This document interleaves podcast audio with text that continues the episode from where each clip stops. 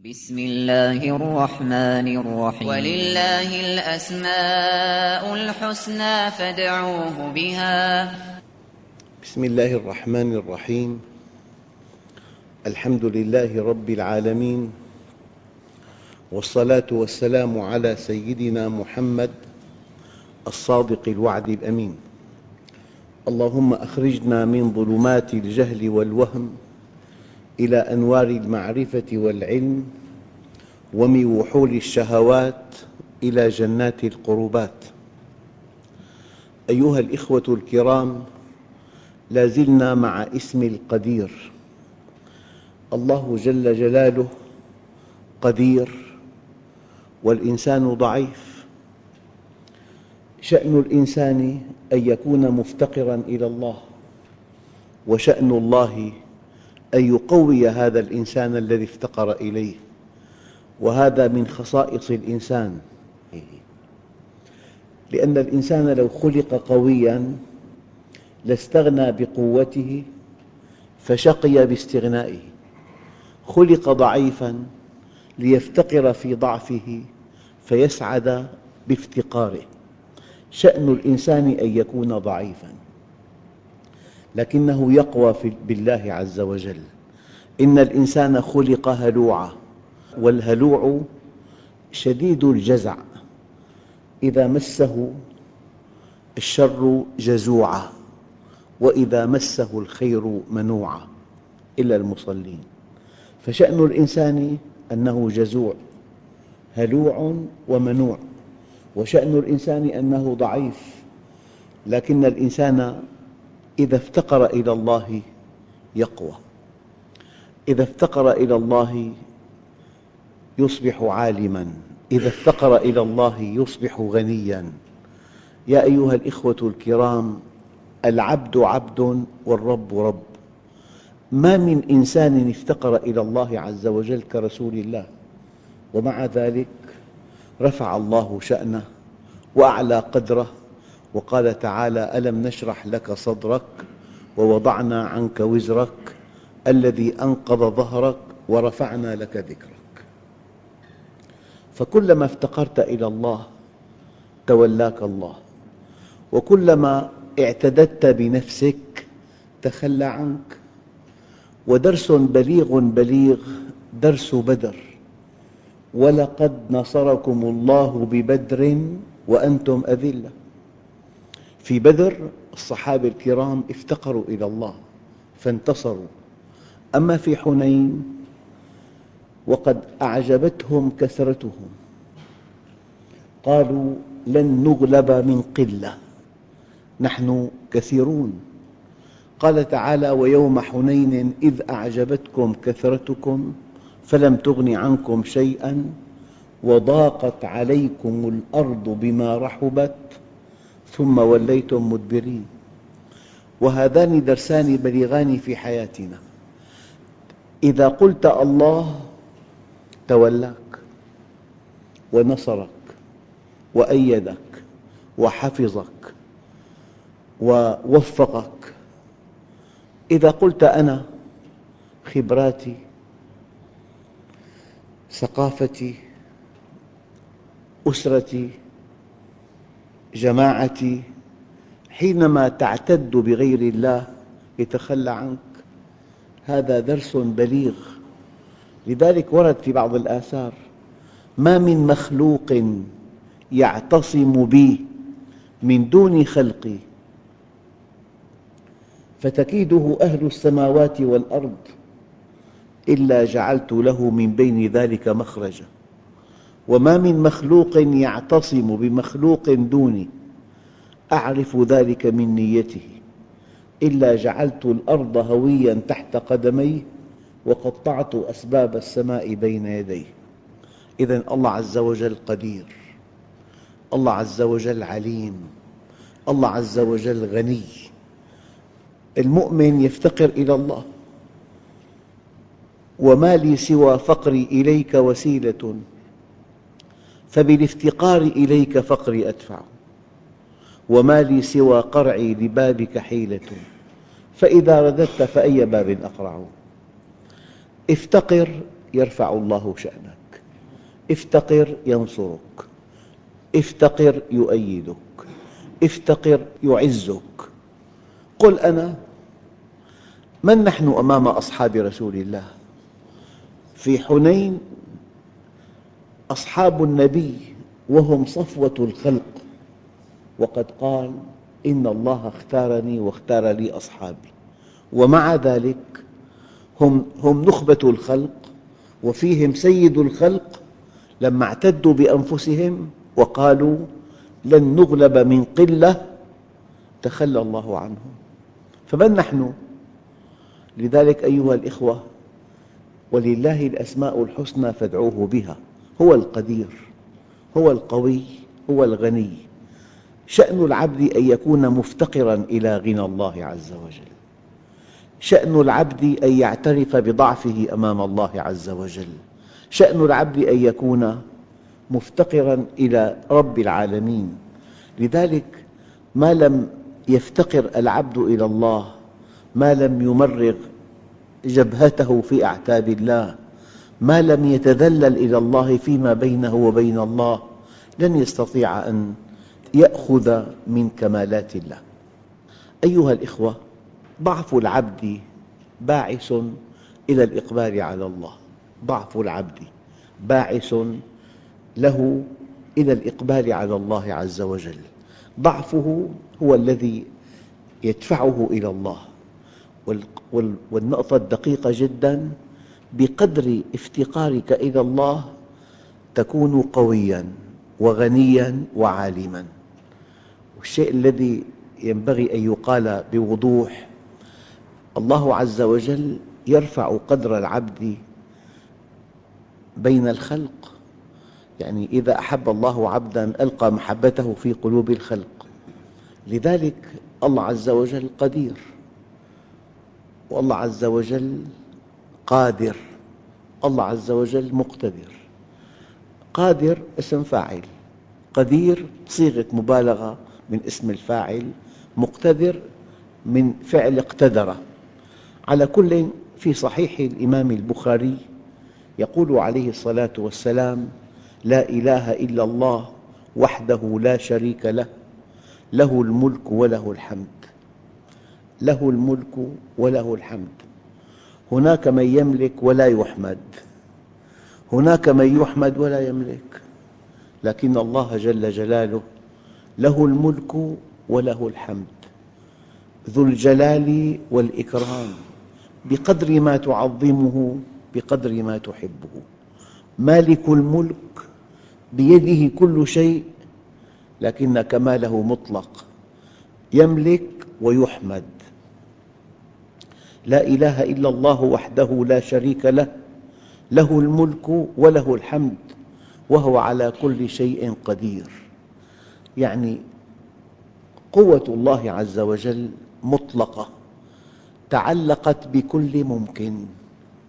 لذلك لو أن الإنسان أصيب بمرض عضال يقين المؤمن أن الله على كل شيء قدير. لو كان وحيداً وأعداؤه كثر إن الله على كل شيء قدير. وقال أصحاب موسى إنا لمدركون. قال كلا إن معي ربي سيهدين. فنادى في الظلمات أن لا إله إلا أنت سبحانك إني كنت من الظالمين.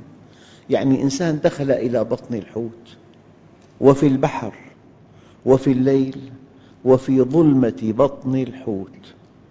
سيدنا يونس فنادى في الظلمات أن لا إله إلا أنت سبحانك إني كنت من الظالمين فاستجبنا له ونجيناه من الغم وكذلك ننجي المؤمنين.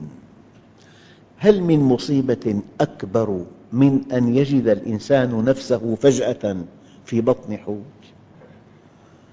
وحينما عقب الله على هذه القصة بقوله وكذلك ننجي المؤمنين قلبها إلى قانون لئلا تتوهم أن هذه القصة قصة وقعت ولن تتكرر. لئلا يغدو كتاب الله تاريخاً أراده قوانين. وكذلك ننجي المؤمنين. لذلك أيها الإخوة القنوط من رحمة الله واليأس والشعور بالإحباط والاستسلام للقدر وأن تكون انتهى المسلمون. هذا من ضعف الإيمان. ولا تهنوا ولا تحزنوا وأنتم الأعلون إن كنتم مؤمنين. بالمناسبة أكثر الآيات التي ورد فيها اسم القدير ورد مع القدير العليم لأن العلم من لوازم القدرة. يعني جراح بيده مبضع. الشيء الدقيق جدا علمه. هنا في عصب هنا في وريد هنا في شريان. علمه بدقائق آه، خلق الإنسان الجراح. علمه بدقائق خلق الإنسان يجعله قديراً على إنجاح العملية. لذلك من لوازم القدرة العلم. الله عز وجل في أكثر الآيات عليم قدير عليم قدير يعني علمه من لوازم قدرته. القدرة قد تكون عشوائية لكنه إذا رافقها العلم تغدو قدرة واعية. هذا في الإنسان فكيف بالواحد الديان؟ لذلك في صحيح البخاري لا إله إلا الله وحده لا شريك له له الملك وله الحمد. أخواننا الكرام ما في مع الإيمان مرض نفسي ما في مع الإيمان إحباط ما في مع الإيمان شعور آه، بالإخفاق ما في مع الإيمان يأس ما في مع الإيمان انكماش. هذه كلها أعراض الإعراض عن الله عز وجل. أما المؤمن لأنه يعلم علم اليقين أن أمره كله بيد الله وأن الخير كله من عند الله. وأنه لا رافع ولا خافض ولا معز ولا مذل إلا الله وأنه لا معطي ولا مانع إلا الله. هذا اليقين عند المؤمن يرفعه عن أن ييأس أو عن أن يتطامن أو عن أن يستسلم. معنوياته المرتفعة بسبب يقينه أن الأمر بيد الله. الله عز وجل قبل أن يأمرك أن تعبده طمأنك قال لك إليه يرجع الأمر كله. فاعبده وتوكل عليه. أخواننا الكرام لا تحل مشكلاتنا بالإيمان بأن الله خلق السماوات والأرض. لا تحل مشكلاتنا إلا بالإيمان بأن الأمر بيد الله. وأن الله في السماء إله وفي الأرض إله. وأنه ما لكم من دونه من ولي ولا يشرك في حكمه أحدا. إليه يرجع الأمر كله. آيات التوحيد تملأ النفس طمأنينة. هو قدير وأنت ضعيف. هو أقوى من أعدائك. أقوى من كل قوة في الكون. هو خالق السماوات والأرض. له الخلق والأمر. إنسان أيام يصنع طائرة ويبيع الطائرة.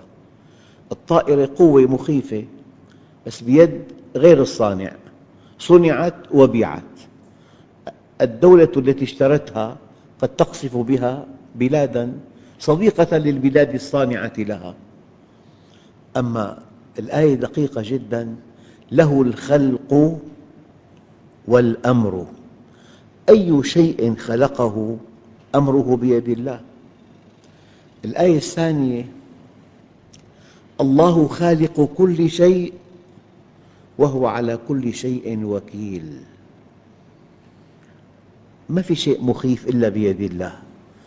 بالضبط لو أنك رأيت وحوشا كاسرة جائعة مفترسة مخيفة لكنها مربوطة بأزمة محكمة بيد جهة قوية حكيمة رحيمة عادلة. علاقتك مع من؟ مع الوحوش؟ أم مع الذي يملكها؟ مع الذي يملكها. والآية الدقيقة فكيدوني جميعاً ثم لا تنظرون. إني توكلت على الله ربي وربكم. ما من دابة إلا هو آخذ بناصيتها. إن ربي على صراط مستقيم. إخوتنا الكرام الإنسان حينما يوحد يمتلئ قلبه أمناً وأماناً. وتفاؤلاً وبشراً. الأمر بيد الله. ولا يعقل ولا يقبل أن يسلمك الله إلى غيره. ثم يأمرك أن تعبده. لا يعقل ولا يقبل أن يسلمك الله إلى غيره. ثم يأمرك أن تعبده. طمأنك. قال إليه يرجع الأمر كله. فاعبده وتوكل عليه. هو القدير. لذلك في صحيح البخاري لا إله إلا الله وحده لا شريك له. له الملك وله الحمد. يحيي ويميت وهو على كل شيء قدير. اللهم لا مانع لما أعطيت. إذا أعطاك من يمنعه لا مانع لما أعطيت ولا معطي لما منعت. هذا التوحيد. ما يفتح الله للناس من رحمة فلا ممسك لها وما يمسك فلا مرسل له من بعده. اللهم لا مانع لما أعطيت ولا معطي لما منعت. ولا ينفع ذا الجد منك الجد. يعني الذكي والعاقل والذي يتقد حيوية ونشاطا وامتلاكا لحيلة. هذا لا ينفعه مع الله شيئا. إذا أراد ربك إنفاذ أمر أخذ من كل ذي لب لبه. إذا أراد ربك إنفاذ أمر أخذ من كل ذي لب لبه. يعني الذكاء لا ينفع مع الله عز وجل. ينفع معه الاستقامة. ينفع له أن تكون محسناً. ينفع له أن تكون مستقيماً على أمره. ينفع له أن تكون مفتقراً إليه. ينفع له أن تكون محباً. أما أن يكون ذكياً الله عز وجل إذا أراد إنفاذ أمر أخذ من كل ذي لب لبه. يعني الأذكياء إذا اعتدوا بذكائهم يرتكبون حماقات لا أول لها ولا آخر. هي من حكمة الله. الذين كفروا وصدوا عن سبيل الله أضل أعمالهم. النجاح بيد الله. ثمن النجاح الاستقامة. أما الذكي والذي يملك خبرات عالية جداً والذي يملك أساليب ناجحة جداً والقوي والمعتد بنفسه هذا الله عز وجل يأخذ منه عقله فيقع العقاب الأليم.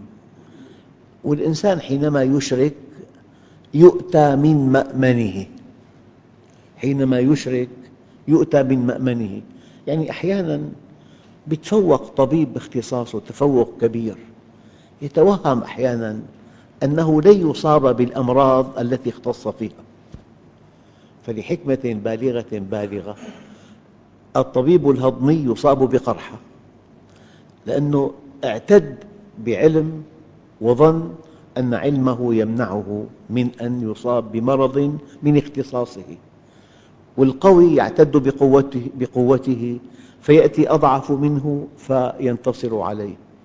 لذلك التوحيد أخطر شيء في الدين. ما تعلمت العبيد أفضل من التوحيد. إذا لا مانع لما أعطيت ولا معطي لما منعت ولا ينفع ذا الجد الذي أوتي حظاً من عقل. لا ينفع ذا الجد منك الجد. يعني لا ينجيك من الله أن تكون ذكياً. لا ينجيك من الله أن تكون ذا خبرة عالية جداً. لا ينجيك من الله أن يكون لك جماعة كبيرة. لا ينجيك من الله خطة وضعتها بإحكام. لذلك أنا أقول دائماً إن أمة قوية خططت لبناء مجدها على أنقاض الشعوب بناء رخائها على إفقار الشعوب بناء قوتها على إضعاف الشعوب بناء غناها على إفقار الشعوب بناء عزتها على إذلال الشعوب. إن هذه القوة الغاشمة نجاح خططها على المدى البعيد يتناقض مع وجود الله. لا ينفع ذا الجد منك الجد. لذلك الكبرياء ردائي والعظمة إزاري فمن نازعني منهما شيئا أذقته عذابي ولا أبالي. أيها الإخوة العلم والكتابة والمشيئة والخلق مراحل الخلق. يعني الله عز وجل الذي وقع كان في علمه ثم شاء أن يقع ثم آه، وقع في مراحل. علم فكتابة فمشيئة فخلق. للتوضيح أحياناً البناء يبدأ بفكرة. هذا المسجد بدأ بفكرة. ثم كتبت هذه الفكرة ووضعت لها خطة محكمة وضع لها موقع. رسم الموقع خطط الموقع. رسم الهيكل رسمت معالم البناء. إذا بدأت بفكرة ثم كتبت على ورق ثم كانت المشيئة بإبراز هذه الفكرة مع خطتها إلى حيز الوجود ثم نفذت هذه الخطة. نبدأ بالفكرة ثم بالكتابة ثم بالمشيئة ثم بالتنفيذ. هذا شأن البشر فكيف بخالق البشر؟ نعم. لذلك ورد في بعض الأحاديث من علم منكم أني ذو قدرة على مغفرة الذنوب غفرت له ولا أبالي ما لم يشرك بي.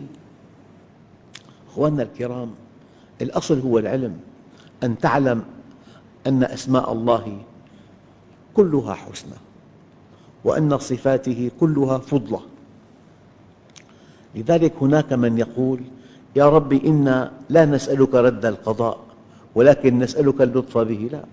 يا رب اصرف عني هذا هذا كله. لما لا لما لا تتوقع أن يكون هذا الشيء غير محقق؟ لا. اطلب من الله كل شيء. لذلك أنت حينما تدعو الله تكون عابداً لله.